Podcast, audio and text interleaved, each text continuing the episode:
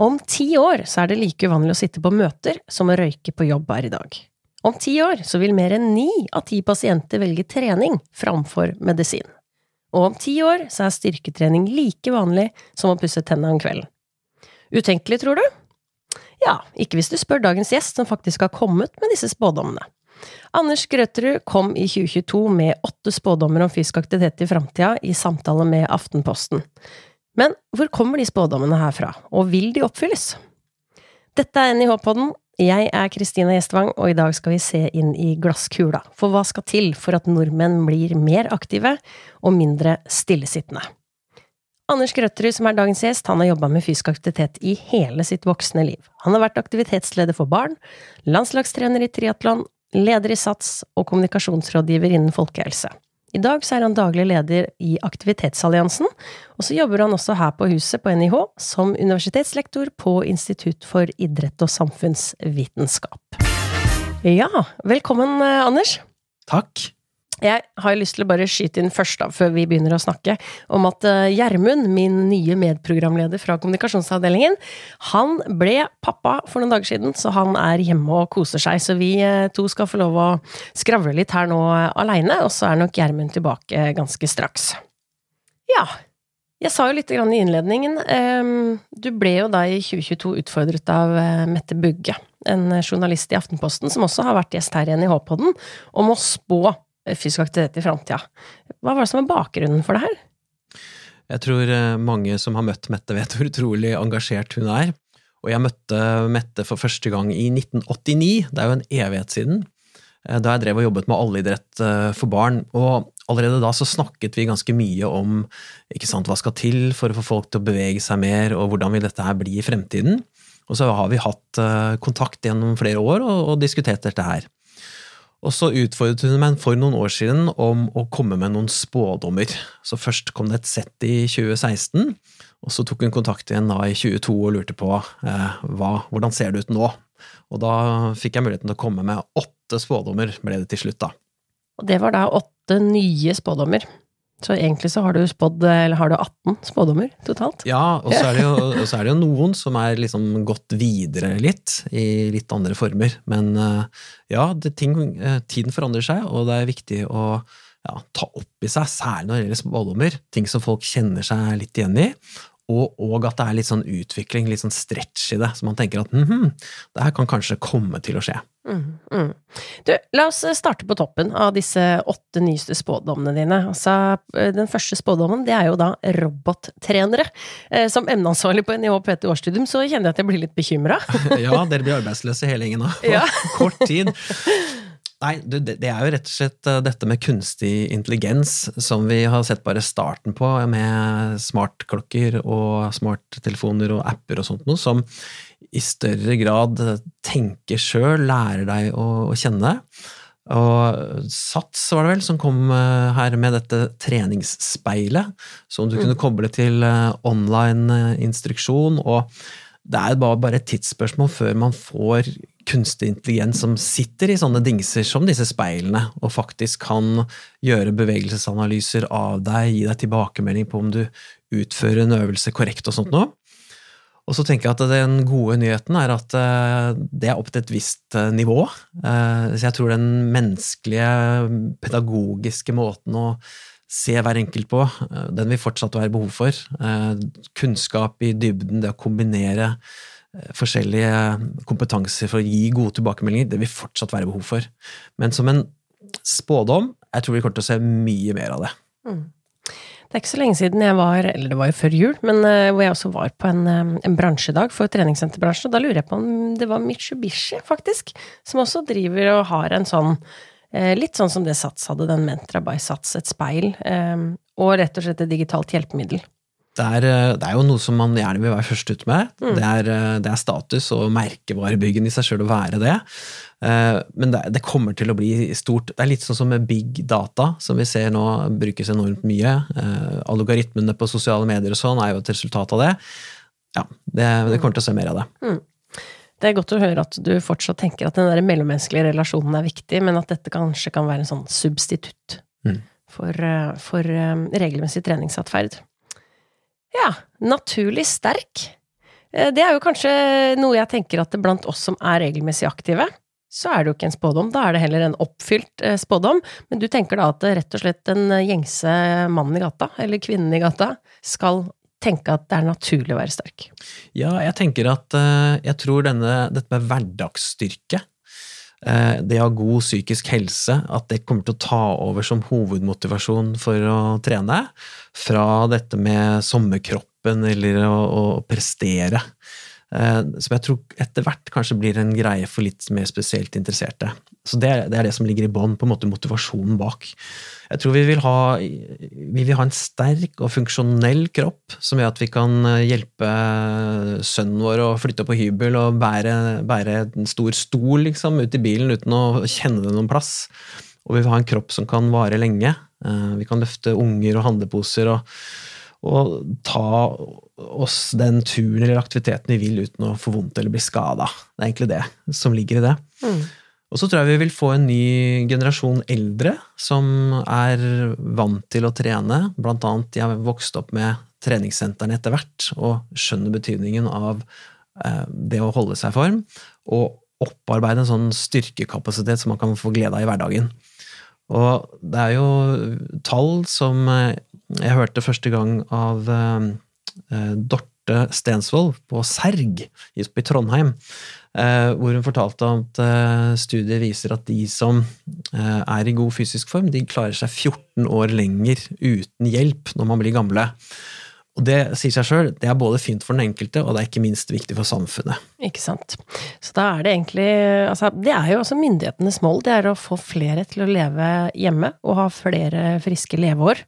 Eh, så kommer det sosiale aspektet inn, at det kanskje blir viktigere å være sosial på trening også når vi blir eldre. Men tenk da å kunne ha en, en kropp som eh, du klarer å gå til kafé med. Det er akkurat det. Og så møter du de eldre der i stedet. Det er akkurat mm. det. Og så har man kanskje en slags treningsrutine som ikke trenger å ta verdens tid, mm. men som du har på veien. Og jeg tror da at styrketrening blir like vanlig som å pusse tennene. Ja. Så tenker jeg at du har liksom ja, godt poeng med at eh, vi har utvikla oss i hva som eh, oppleves som naturlig. Altså, jeg hadde en bestemor som jeg har fått fortalt at når min onkel i sine yngre dager, i, på 70-tallet kanskje, 60-70-tallet, når han dro ut på joggetur, så skjønte jo ikke bestemor hva i verden er det han driver med? Hvorfor skal vi drive og gjøre dette? Altså, vi kan vel være Vi er jo aktive på gården hele tida. Eh, men at det handler om at vi får nå en ny generasjon hvor eh, det å trene og det å trene styrke er mer naturlig, da. Ja, det er litt sånn uh, hva er det som er gærent med deg, eh, ja. hvis du skal ut og, og løpe. Men eh, en kort historie om det. Uh, og jeg, når jeg jobbet i SATS, da, så en dag så kom det inn en fyr, han var åpenbart en gammel mann, og viste seg å være 93 år. Og het Reidar, og han mm. skulle melde seg inn på treningssenter. Og så hadde han med seg en uh, søt uh, dame som var en del yngre han, så vi lurte litt på om han hadde vært og sjekka og fått seg kjæreste. Men det viste seg å være datteren av Annelise. Og disse to skulle melde seg inn på treningssenter. Og de uh, trente da styrke tre ganger i uken, helt til Reidar var over 100 år, faktisk. Ja. Og han var så gammel at han hadde vært kompis med han skøyteløperen Oskar Mathisen. Og han har vært aktiv i politiidrettens idrettslag, men han var veldig opptatt av at han måtte holde seg i form for å klare dette, dette hverdagslivet og ha en kropp som fungerte. Mm. Kjørte bil og betalte regningene sine i nettbank til han var over 96 år. Det er um, inspirerende å høre på, i hvert fall. Ok, punkt tre heter Innsiden ut. Eh, det handler vel kanskje litt om de helseeffektene på psykisk helse? Det gjør det, altså. Mm. Det er stadig flere som blir klar over uh, hvordan dette med en aktiv kropp gir en sterk hjerne og en robust syke. Du blir sterkere, du blir gladere, du blir smartere, faktisk. Og det tror jeg gir en ny type motivasjon til kanskje nye målgrupper. Og spesielt dette med at, eh, hvis man snur litt på det, det har kanskje ikke alltid vært så kult å være sånn som løper rundt i skogen og snapper etter luft. Men det er ingen som vil være dum, for å si det sånn. Så hvis du går, liksom, går glipp av å eh, få en litt skarpere hjerne, faktisk regenerere hjerneceller, som forskningen viser, ved fysisk aktivitet, det tror jeg mange vil, vil ha med seg. Og så tror jeg òg, apropos dette innsiden ut, jeg tror vi kan få en uh, motreaksjon på dette med all aktiviteten som flyttes til skjerm, da. aktiviteten i gåseøyne. Så vi vil nok i større grad ut, bli mye mer bevisst på det. Få et, et brudd, få dagslys, frisk luft, oppleve natur kanskje også lek og mestring, at det blir en litt motreaksjon på det, jo mer vi blir tvunget inn i skjermen på, på ulike vis. Og jeg tror kanskje disse mentale effektene, som både handler om naturopplevelser, men òg det å bevege seg, kanskje det blir den aller sterkeste motivasjonen for å være i fysisk aktivitet i framtiden. Mm, mm. Og så er det jo litt sånn, ja, det kommer jo litt an på om jeg er i skogen allerede, men altså, punkt fire, mer aktive der vi er. Om det er å være aktiv hjemme, eller da ute i skogen, eller eh, ja, på en sykkel, men ikke nødvendigvis på landeveien, men eh, foran en skjerm, da. Mm. Så dette punktet her kjenner jo jeg at uh, som en forsker på atferdsendring tenker at det, det, er, jo, det er, jo, hit vi må. Vi ja. må liksom nedskalere litt hva, hva, det egentlig er å være aktiv. Vi snakker masse om dette med lav terskel, ikke sant? Mm. Og dette er nok kjernepunktet. Altså, unnskyld, eh, at det må være superlett å være aktiv. Det går både på, tenker jeg, eh, ganske lave krav til hvor lenge av gangen, og kanskje hva som du skal telle som aktivitet. Når jeg satt i kantina på NIH og studerte her, så het det seg jo det at eh, det å jogge seg en tur under en halvtime, det, det telte ikke som trening.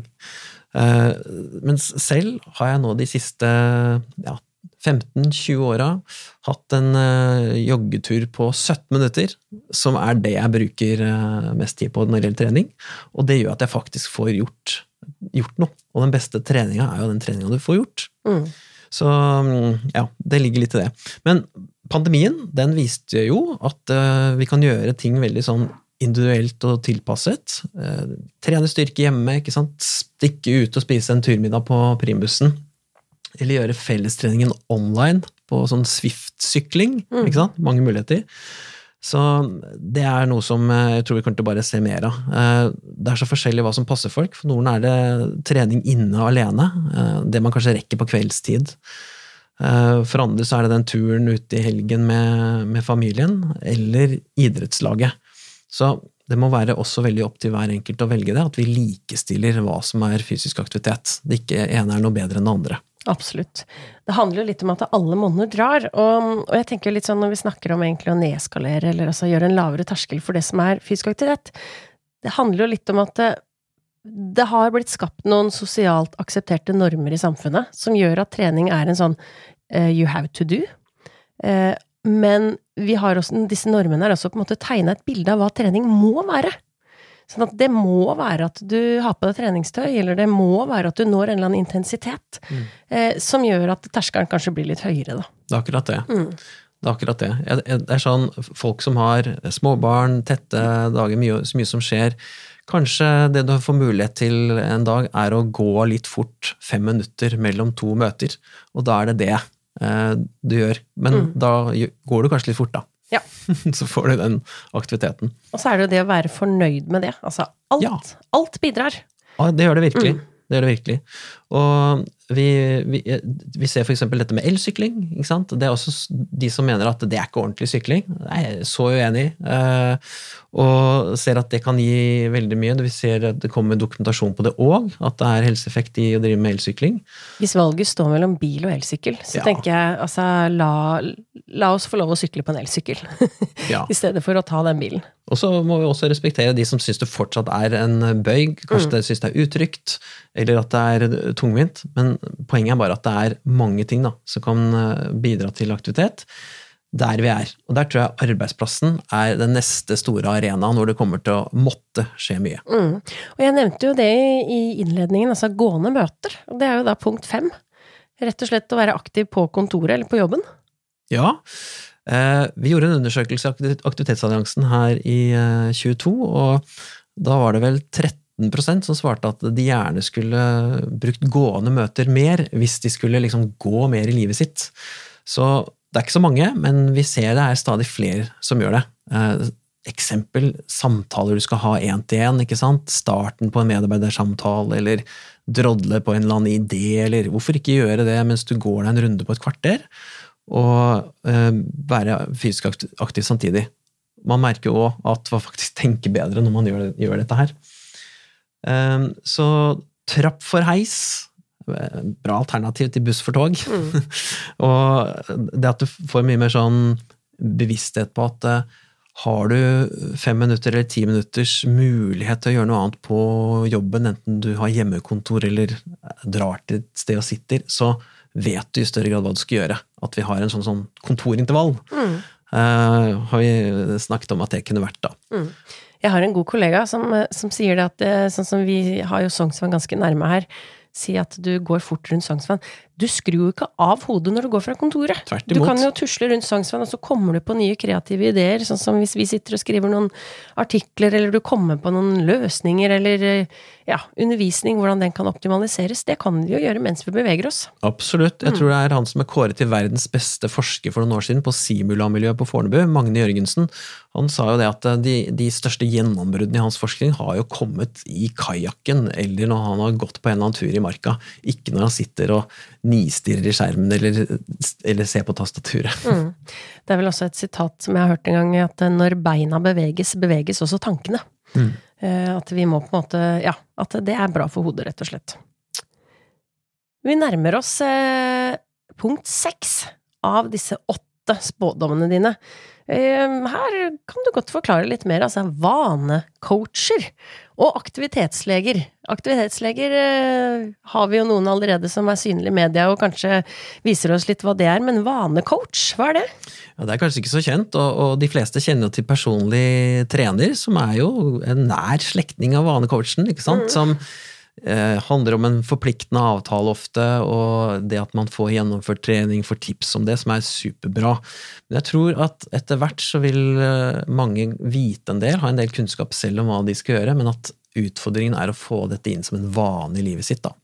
Så det gjør at uh, vanecoacher, det fins noen av dem uh, i dag, blant annet en som heter Andreas Lykke. De kommer nok til å bli en egen profesjon vi kommer til å se mer av. Eh, som rett og slett eh, har den tilnærmingen til det. At uansett eh, hvilken vane du ønsker å etablere, så, så er det der man får, får, hjelp, da. Aktivitetsleger, det er jo noe vi i Aktivitetsalliansen har kjempet for i mange år. Aktivitet som medisin. Mm. Å gjøre det enkelt for fastlegen din å både snakke om fysisk aktivitet, vite hvordan man kan veilede, enten det er å forebygge eller faktisk behandle en del sykdommer. Og nå har vi fått en mye bedre takst også for fastlegene, så det er mye mer attraktivt for den rent økonomisk å veilede på fysisk aktivitet. Det Men den kan vel optimaliseres? Det kan bli mye bedre. Ja. Det kan det. Så, men Tidligere måtte man f.eks. velge å enten behandle med medikamenter eller fysisk aktivitet. Mm. Nå kan man gjøre begge deler, som antageligvis er en fin, og, en fin måte å gjøre det på. Litt fordi at når du kommer der som pasient, så forventer du på en måte å få en behandling som virker umiddelbart. Og legene også syns ofte at det er greit å vite at ta nå denne blodtrykkssenkende pillen, så vet de iallfall at noe virker. Men det å kombinere dette her er nok ja, eh, For det viktigste. er jo ikke så svart-hvitt som det kanskje kan virke som i, i, debatten, på en måte. Det trenger ikke å være enten bare trening eller bare medisin. Altså en kombinasjon kan også være en hensiktsmessig løsning, da.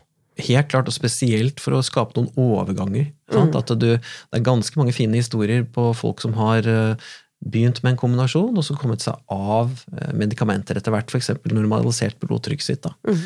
Så ni av ti ønsker ifølge Legeforeningen, en eh, artikkel som sto der, å velge dette med fysisk aktivitet som behandling framfor medikamenter, hvis det var opp til dem. Mm. Og der handler det også litt om at eh, hvis legene kan få litt mer undervisning om fysisk aktivitet da, i sin undervisning, så får de jo også mer kunnskap om rett og slett dose, også på fysisk aktivitet. Ja. At du kan på en måte du kan skrive ut en resept på dose fysisk aktivitet, akkurat som du gjør på medisin. Ja, mm. og, og, der er det jo som du sier, ikke sant, kunnskapen er for dårlig i dag blant legene. Det er de åpne på selv også. Mm. De har i de uh, verste tilfellene, for å si det på den måten, 45 minutter om fysisk aktivitet på seks år. Og det er uh, altfor lite. Spesielt når vi har en stor, tjukk aktivitetshåndbok som er utrolig godt, uh, godt oppslagsverk. Ja, den kan gjerne oppdateres. Den er vel fra 2008, så vi kan gjerne oppfordre til at den må oppdateres, men den er jo kjempefin ja, å bruke. Og da veit jeg at den er nå lagt ut digitalt og blir mm. oppdatert løpende der. Helt gratis. Så, så, det er fin. Men det som er litt sånn bilde på, det er at den er omtrent nøyaktig like tjukk, den boka, som eh, medikamenthåndboka. Mm. Eh, og den er blå, er den ikke? Den er blå. Ja. Er det litt sånn Matrix-inspirert. Er det den blå eller røde boka man skal velge? Mm. Og da er det selvfølgelig mer av den røde boka. Mm. mm. Vi skal over til punkt sju. Eh, når vi snakker om aktivitetsleger, eh, jeg vil jo tørre å påstå at det er litt sånn subjektivt her, sånn at de legene som er aktive og verdsetter det på individnivå, de eh, lettere antageligvis fremmer fysisk aktivitet for sine pasienter. Og punkt sju handler om folkehelseprioriteringer, og at politikerne gjerne kan velge en løsning som øker sjansen for mer naturlig bevegelse og fysisk aktivitet. Her jo tenker jeg jo at det egentlig er litt subjektivt. Er det sånn at vi som eh, ønsker å fremme fysisk aktivitet, bør vi melde oss inn i politikken? ja, altså Før vi går inn på punkt sju, men altså ja, ja. Bare liksom kort inn på det, for det er jo veldig subjektivt det her hva vi egentlig tar som våre kampsaker. Mm, det, er, det, er, det. Eh, det er klart, alt handler til syvende og sist om politikk på den måten at det er en prioritering av ressurser. Eh, enten i form av tid, eh, ekspertise eller penger, da. Så ja, det er viktig at vi også som er opptatt av fysisk aktivitet, har et bevisst forhold til det. Og nå er det jo snart valg, og det heter seg det at uh, du vinner ikke valg på folkehelse. Mm. Så det er noe man skyr unna. Du finner lite om det i partienes program, f.eks. Så det er noe av det vi jobber med i Aktivitetsalliansen, å bevisstgjøre det og få partiene til å forplikte seg mm. til å jobbe mer med folkehelse. Ta mm. f.eks. dette med fysisk aktivitet i skolen. Ikke sant. Sånne ting. Mm. Det må inn der. Og det handler jo punkt sju om. Ja. Folkehelseprioritering. Eh, vedtak knytta til fysisk aktivitet. Ja, og det, det, er det ene, eneste spådommen som handler om politikk, egentlig. De andre handler jo om motivasjon eh, mye, og valg av eh, hjelpemidler. Men eh, her tror jeg vi kommer dit etter hvert, da, at eh, i valget mellom f.eks. to løsninger, så vektlegges i større grad det som har en positiv effekt på folkehelsa, og som f.eks. gjør det lettere å være mer fysisk aktiv. Og da oppføres kanskje det bygget som gjør det lett å være i bevegelse mellom etasjene. Eh, eller at man velger den rammeplanen som gir mer fysisk eh, aktivitet på en naturlig måte i skolen. Eller en meny som gjør det lett å velge sunn mat. Og da, Et eksempel er jo Oslo kommune som nylig vedtok at vegetarmat er standard på alle kommunens arrangementer. Og litt sånn inspirert av røykeloven, nesten. Eh, jeg tenker vi må tørre å ta litt flere sånne eh, steg når det gjelder tilrettelegging. Mm.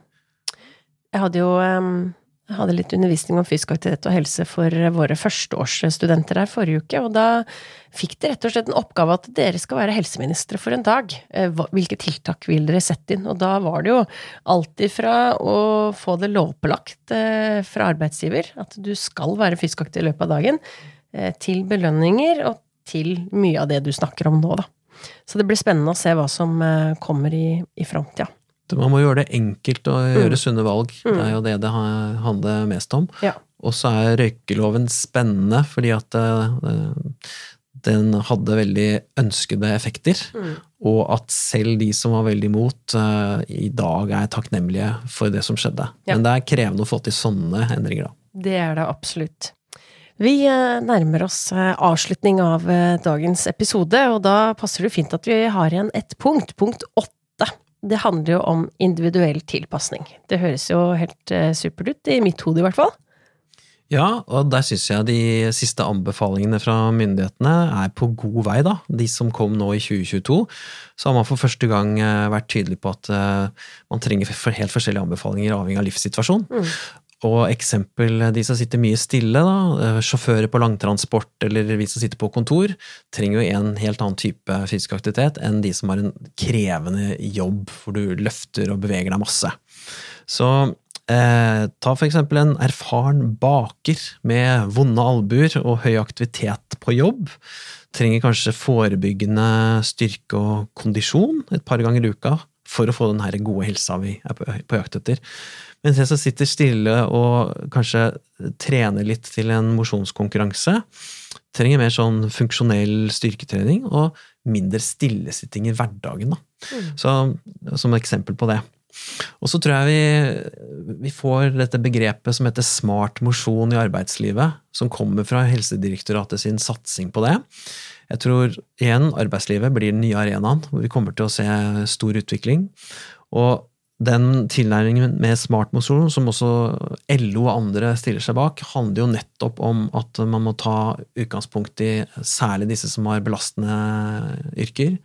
Eh, fysisk belastende yrker. og lage et opplegg der, det er rett og slett en godt HMS-arbeid å gjøre det. Samtidig som det skal være lett å bruke arbeidsplassen eh, på en måte å være fysisk aktiv. Alt fra sykkelvennlig arbeidsplass, sant? at det er fristende å bruke sykkelen til og fra jobb. At han kan få litt fleksitid på å gjøre noe trening hvis man vil det, noen ganger i uka. Eller at det er lett å gjøre sånne exercise snacks så at man, du vet, har du fem minutter, så kan du f.eks. gå to ganger i trappa, så har du fått opp pulsen og jo, fått liksom den derre variasjonen du trengte. Mm. Så rett og slett uh, one size does not fit all. Det gjør ikke det, vet du. Det gjør ikke det. Og så er en siste ting jeg kom på. det er, um, Særlig her på NIH så har vi jo tradisjon for at vi er veldig opptatt av toppidretten og toppidrettsutøverne. Og så har vi fått en uh, veldig spennende satsing uh, og nye forbilder para, fra paraidretten de siste årene. Og jeg mener jo det at uh, jeg tror kanskje parautøverne har aller mest å lære hvermannsen som forbilder på ikke sant, at du kan ha en ganske eh, utfordrende utgangssituasjon, men likevel få til veldig mye. da. Det tror jeg kan inspirere mange i hverdagslivet, også når det gjelder da individuell tilpasning til å drive fysisk aktivitet. Det er et eh, veldig godt poeng. Helt til slutt, hva tenker du liksom, eh, hva er det viktigste at lytterne sitter igjen med?